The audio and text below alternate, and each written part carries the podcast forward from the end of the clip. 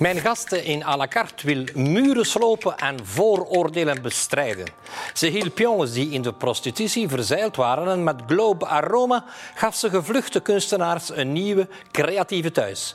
Een betere relatie tussen jongeren en politie is nu de ambitie van parlementslid Els Rochette. Wat denkt u nu van Brussel? Is Brussel een helhoop? Lukt er niets in Brussel? Hoe gaat het nu met Brussel? Goed of slecht? Gaan we nu vooruit of achteruit? Een stad waar te veel auto's zijn? Of zijn de fietsers te arrogant? Wilt u er komen wonen of willen u er juist weg? Eerst Rochette, welkom bij à la carte. Je bent een inwijkeling, je bent geboren in Leuven. Uh, hoe lang woon je al in Brussel? Ik woon sinds 26 jaar uh, in Vorst. Uh, ja. ja. Heb jij die stad zien veranderen? Want je woont hier toch al een hele tijd. Heb jij de stad zien uh, een andere richting uitgaan dan toen je eraan kwam? Ik heb de stad enorm zien evolueren. Ja, het heeft, ik, ik, soms denk ik terug aan de momenten van mijn eerste job. Ik was 21. Ik ging met, met de auto, toen woonde ik nog een jaartje bij mijn ouders in Herent. Ik ging met de wagen van mijn mama naar mijn werk op de Anspachlaan. Mhm. Ik parkeerde mij voor de deur. er waren geen parkeermeters, dus je moest niet eens betalen om te parkeren. Ik ging naar mijn werk. Dat is een van de dingen dat je vandaag niet meer kan, kan voorstellen. Uh, de, uiteraard, tussen 26 jaar en nu zijn er 200.000 inwoners extra en dat, dat weegt enorm op de stad. Uh, ik herinner mij ook dat, dat ik dat een paar jaar daarna eens probeerde van te fietsen. Ik dacht, ja, ik ging met de fiets naar school in Leuven, dat moet hier toch ook kunnen. Ik werd als een uh, ja, buitenaards wezen aangekeken en ik heb, het ook wel, ik heb de fiets snel opgeborgen, omdat ja, ja. Terwijl nu, het is een zaligheid om te kijken dat iedereen de fiets neemt, dat er veel meer publieke ruimte is. Wat ik toen ook heel moeilijk vond in die beginjaren was van, goh, waar zijn hier de uitgangsbuurt, waar zijn hier cafés, waar, waar is hier wat, ja, de plekken waar, waar jongeren elkaar kunnen ontmoeten. Dat, dat miste ik toen mhm. en dat, ik kan er vandaag niet meer naast kijken. Brussel bruist op, op heel mhm. veel vlakken. Uh, dus dat is, dat is ja, wat mij betreft, zijn dat goede evoluties.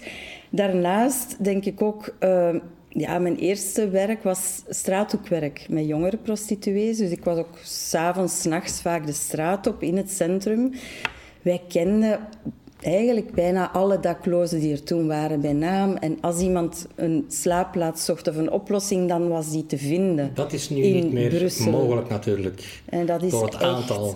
Dat is, dat is echt schrijnend om te kijken hoe de armoede en die extreme armoede zo gegroeid is, jaar na jaar na jaar, zonder dat we daar uh, adequaat oplossingen hebben kunnen, kunnen ja. Je hebt heel lang gewerkt, zeg je, als sociale werkster en nu ben je parlementair. Ja. Het is een hele stap, het is ook een heel andere wereld. Hoe, hoe ervaar je zelf die overstap? Um, ja, het, het, klopt dat het een hele andere wereld is. Uh, die, die contact, die ik leer kennen, die ik ook leer appreciëren. Uh, een, een van de dingen bijvoorbeeld die, die ik contact heb en die ik eigenlijk niet wist tot voor drie jaar. Hè. Ik ben heel nieuw in de politiek. Het is niet dat ik van, uh, van mm. gemeenteniveau uh, gegroeid ben. Nee, ik ben vanuit het middenveld ja, uh, ben ik op de lijst gekomen van One Brussels uh, als onafhankelijke, mm als persoon zonder uh, lidkaart, om mee een beweging uit te bouwen rond dat sociaal project. En, um, ja, en het valt mij op dat Brussels parlement is eigenlijk wel wat afspiegeling van de Brusselse bevolking is. En dat, dat stemt mij wel gelukkig. Het is heel divers, divers van publiek. Mannen, vrouwen, bijna evenveel. Mm. Heel veel jonge mensen. Verschillende religies. En, en die debatten zijn vaak eigenlijk toch wel heel interessant en gevoed vanuit verschillende Ben je niet gefrustreerd omdat je als sociale werker was je echt aan de basis bezig? Kan je eigenlijk iets doen als parlementair? Um, maar het voordeel van, van als je parlementair bent, dat heb ik, je, je kan eigenlijk je, je job invullen zoals dat je dat zelf wilt. En ik heb daar even moeten naar zoeken. Dat was niet meteen duidelijk voor mij. En ik ga naar commissies nog altijd en dat is belangrijk. Hè? Mhm. De ministers bevragen van wat is jullie project voor Brussel? Hoe staat het met het uitvoeren van het regeerakkoord? Wat gaan jullie aan dat en dat probleem doen? Maar daarnaast probeer ik nog altijd, en dat vind ik even belangrijk, van zoveel mogelijk op de straat te blijven. En soms is dat ook letterlijk. Tijdens de eerste lockdown ben ik eh, zes maanden terug als stra de straat opgegaan om daklozen te gaan mhm. helpen, samen met Doucheflux. En dan weet je inderdaad van oké, dat houdt daklozen echt bezig. Eh, dat zijn de obstakels voor de organisaties. Daar zijn de hiaten. En als je dat dan bij elkaar brengt in, in vragen aan de minister, dan, dan heb je, kan je de link maken tussen wat er leeft in mhm. Brussel, wat de grote problemen zijn van de mensen en, uh, en tussen de politiek.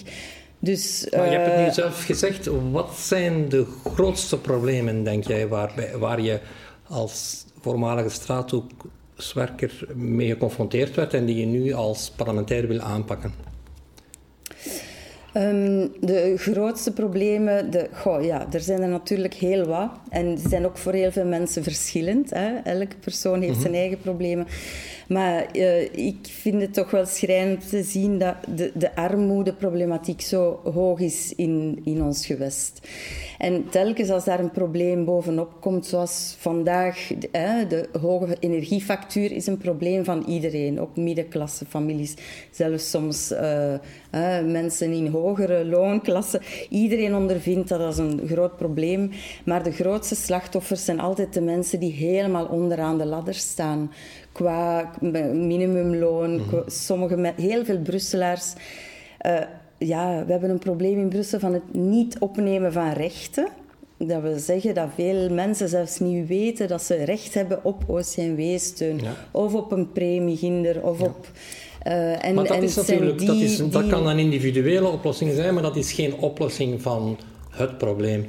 Uw collega Alexia Bertrand die zei hier dat het probleem van Brussel toch zou kunnen geholpen worden door een grotere middenklasse aan te trekken. Dat Brussel als stad niet aantrekkelijk genoeg is voor een grotere middenklasse die door een hoger inkomen, meer belastingsinkomen, u kent het schema, mhm. zou kunnen opleveren. Wat denkt u daarvan? Um, ik denk dat er andere manieren zijn om te gaan kijken van... Uh, allee, Brussel is heel aantrekkelijk, vooral ook internationaal. Mhm. En als je kijkt hoeveel Europese inwoners in Brussel werken, internationale mensen hier werken. En daar zit natuurlijk ook een, een probleem van, van, uh, ja, van inkomsten van ons gewest. Zeer veel mensen die hier wonen en werken, hier geen belastingen mhm. betalen. Dus dat is wat, wat, wat mij betreft en wat, wat, onze beweging betreft ook wel iets om, uh, om serieus over na te denken naar de toekomst toe. Um, en, ja, maar je hebt toch een probleem van werkloosheid dat heel moeilijk op te lossen is, omdat je ook heel veel jongeren hebt zonder diploma, zonder talenkennis, die hmm. eigenlijk nergens heen kunnen, omdat er niet uh, veel vraag is naar ongeschoolde arbeid in Brussel. Dat, dat klopt. Dus het, is, het is echt een, een heel groot probleem, de jongerenwerkloosheid. En daarom is het ook goed, de, dat is recent, uh, ik ken het niet, niet in detail, maar recent is er wel uh, met Vlaanderen een overeenkomst gemaakt dat, dat jongeren, laaggeschoolde jongeren uit Brussel die hier geen job vinden, wel makkelijker kunnen doorstromen naar jobs in de rand. Uh, van Brussel, waar de, de taalvereisten van Nederlands misschien om in te stappen in de job nog niet heel hoog zijn. Want u weet dat de vraag naar ongeschoolden zeer groot is. Bijvoorbeeld hmm. langs de A12 naar Antwerpen smeken de bedrijven om uh, ongeschoold personeel dat ze zelf willen vormen, opleiden. Je hebt hetzelfde probleem in, in West-Vlaanderen, waar minister Krevits zegt dat ze het heel jammer vindt dat, dat er meer Fransen zijn, uit Frankrijk afkomstig, mhm. die daar komen werken dan, dan Belgische werk, werklozen. Moeten we daar niet meer op inzetten, naar het bijna exporteren van, van, van mhm. onze jongeren? Maar dat is, dat is net wat ik, wat ik zei. Het is een bewustzijn dat er nu is, zeker en vast bij, bij de, Brusselse regering. Vandaar dat er ook een samenwerkingsovereenkomst gemaakt is met Vlaanderen om dat net te gaan doen. Om te zorgen dat de, de jobs die vakant zijn in Vlaanderen via de VDAB ook uh, hier kunnen geconsulteerd worden mhm. door jongeren. Dat Actiris ook jongeren die werkloos zijn en laaggeschoold kunnen, kunnen doorverwijzen naar Vlaanderen. Dat, dat, dat die samenwerking bestaat nog niet heel, nee, dat heel is lang. Heel, dat is nieuw. Ja. Weinig mensen weten dat. Dat, dat lijkt een evidentie, maar uh, dat is nieuw. Sinds vijf jaar pas. Vroeger werden die, die vacatures in Vlaanderen niet doorgegeven. Het is mhm. goed dat dat veranderd is. Ik wil het met u hebben over iets helemaal anders. U heeft vorige zondag uh, een bijeenkomst georganiseerd uh, met Ik en de Flikken, was de naam. met twee agenten die in gesprek zijn gegaan met jongeren. Dat is een problematiek die u geweldig interesseert, die in Brussel zeer zeer acuut is. Mm Op zijn minst gezegd, zonder een schuldige aan te wijzen, kunnen we toch zeggen dat de relatie tussen politie en jongeren niet optimaal is. Ja, ik denk dat dat nog een eufemisme is dat u gebruikt. Uh, dat klopt, de relatie tussen jongeren en politie zit, zit echt helemaal eh, niet goed in Brussel. En dat heeft heel veel gevolgen voor, voor eh, de jongeren, ook voor het werk van de politie. En, en bij uitbreiding voor de Brusselaars of de bezoekers van onze stad. want allee, het is enorm belangrijk. Ik sprak daar straks over de publieke ruimte die nu meer mhm. gedeeld wordt. Um, maar het is heel belangrijk dat iedereen zich ook veilig kan voelen in die, die gedeelde ruimte. Dus uh, het is belangrijk dat de politie zijn werk uh, goed kan doen en op een veilige manier. Maar het is evenzeer belangrijk dat jongeren uh, ja, de, de, het recht hebben om jong te zijn. Dat ze kunnen gaan stallen, want dat noemt zo nu. Hè. Stallen? Ja, ze gaan stallen. Ergens op een pleintje. Of ergens kunnen gaan, uh, gaan, gaan, hangen. Chillen, Wij zijn denk ik chillen of hangen. Nu is het woord stallen al ingeburgerd, denk ik. Uh, ergens op een pleintje waar ze elkaar zien, waar ze uh, ja, elkaar kunnen ontmoeten. Uh, ja, ze zetten dan soms natuurlijk muziek op. Of, ja. En er zijn wel een paar... Maar dat is de light versie van een probleem, want de, laatste, de laatste weken is er een, toch wel een acuut probleem in Brussel waar de politie aangevallen wordt met molotovcocktails. Mm Dat heeft waarschijnlijk te maken met de drughandel. Maar het is nog nooit gebeurd bij mijn weten dat er een, een politiekantoor in, in, in Sint-Pieters-Woluwe is aangevallen. Er is er een in Molenbeek aangevallen mhm. en dan is er in het centrum van Brussel ook met molotovcocktails gesmeten naar agenten. Ja. U zal natuurlijk wel begrijpen eh, dat dat de relatie, het begrip van de politie voor mhm. eh, jongeren niet zal vergroten. Nee, absoluut niet. En uh, ik denk dat het ook belangrijk is om te zeggen dat heel veel jongeren geen begrip hebben voor dergelijk gedrag ook. Ja.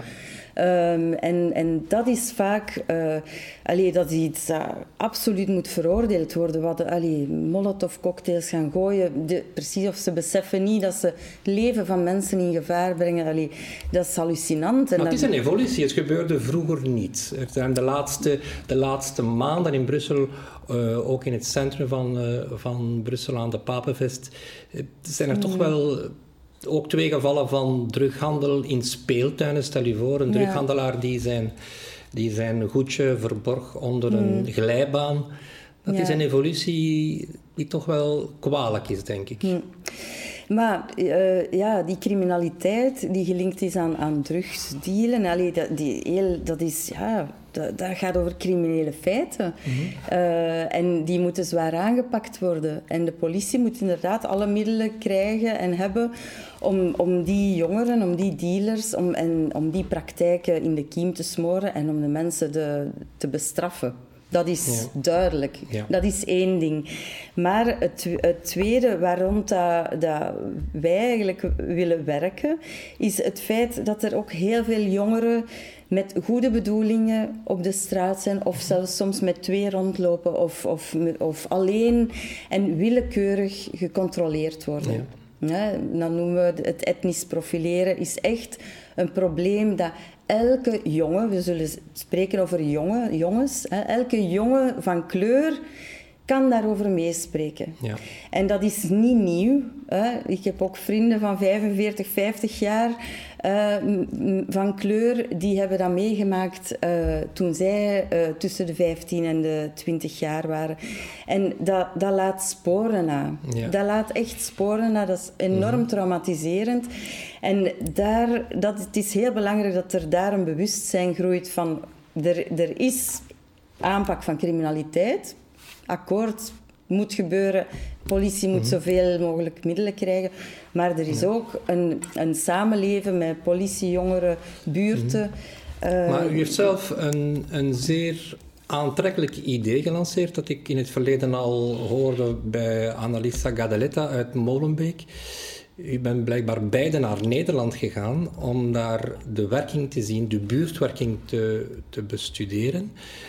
Uh, waarbij het helemaal anders wordt aangepakt. Waar het uiteindelijk gaat over een soort van responsabilisering ook van, van de ouders, van de ouderen. Mm -hmm. Mevrouw ja. Gadaletta vertelde mij dat dat toch wel een, een heel andere sfeer uh, creëert. Waarom doen we dat niet in Brussel? Waarom worden ja. de ouders niet actief betrokken ja. om juist die brug te zijn tussen mm -hmm. de jongeren en de ordehandhaving? Um, daar, daar wordt in Brussel vandaag aan gewerkt. En uh, misschien eerst eventjes zeggen, ik ben zelf niet naar Nederland geweest. Uh, mevrouw Kali, commissaris mm Kali van de Zone Zuid, heeft dat verteld. Wat ook al wil zeggen, oké, okay, de commissaris van Politiezone Zuid gaat inderdaad zo'n project uh, gaan bezoeken. Ik denk dat het Den Haag was. Ja. Uh, omdat uh, inderdaad, ze merken daar, dat heeft echt goede effecten op het terrein. Zegt die politieagenten lopen daar. Ze zei van, dat ze verbaasd was. De politieagent loopt daar alleen. Ze zegt, dat zouden wij niet durven. Wij zijn altijd per twee daar. Agenten durven alleen lopen. Uh, en, en zeggen, ah, hallo, goeiedag, salam alaikum. Klapje hier, klapje daar. Allee, maar dat is het resultaat van inderdaad dat gemeenschaps, die gemeenschapsgerichte politie. Mhm. En daar wordt heel hard aan gewerkt. Nu... Um, Binnen, bijvoorbeeld binnen de Zone Zuid is er een traject voor nieuwe politieagenten. Dat is iets nieuws, waar vooraleer dat ze de straat op gaan, doorlopen ze eerst enkele weken. Ken, we gaan kennis maken met... Stage. Ja, maar ja, met, bijna niet als politieagent, maar gaan de buurt verkennen. Ja. Welke organisaties zijn hier? Welke personen zijn wat uh, referentiepersonen? Uh, welke pleintjes zijn er? Waar waar is er leven, waar is... Dus daar wordt nu echt wel tijd in en energie Ja. in gestoken. En ik ben er zeker van dat dat ook gaat Maar het Nederlands systeem dat mevrouw Gataletta mij, eh, mij vertelde, het aantrekkelijke was dat je echt voelt dat de hele buurt erbij betrokken is. En dat, dat de ouderen ook een, een, een gekleurd hesje aandoen, dat ze heel goed herkenbaar zijn. En dat er eigenlijk een brug wordt gemaakt eh, tussen die, die jongeren en, en, de, en de, de buurtpolitie.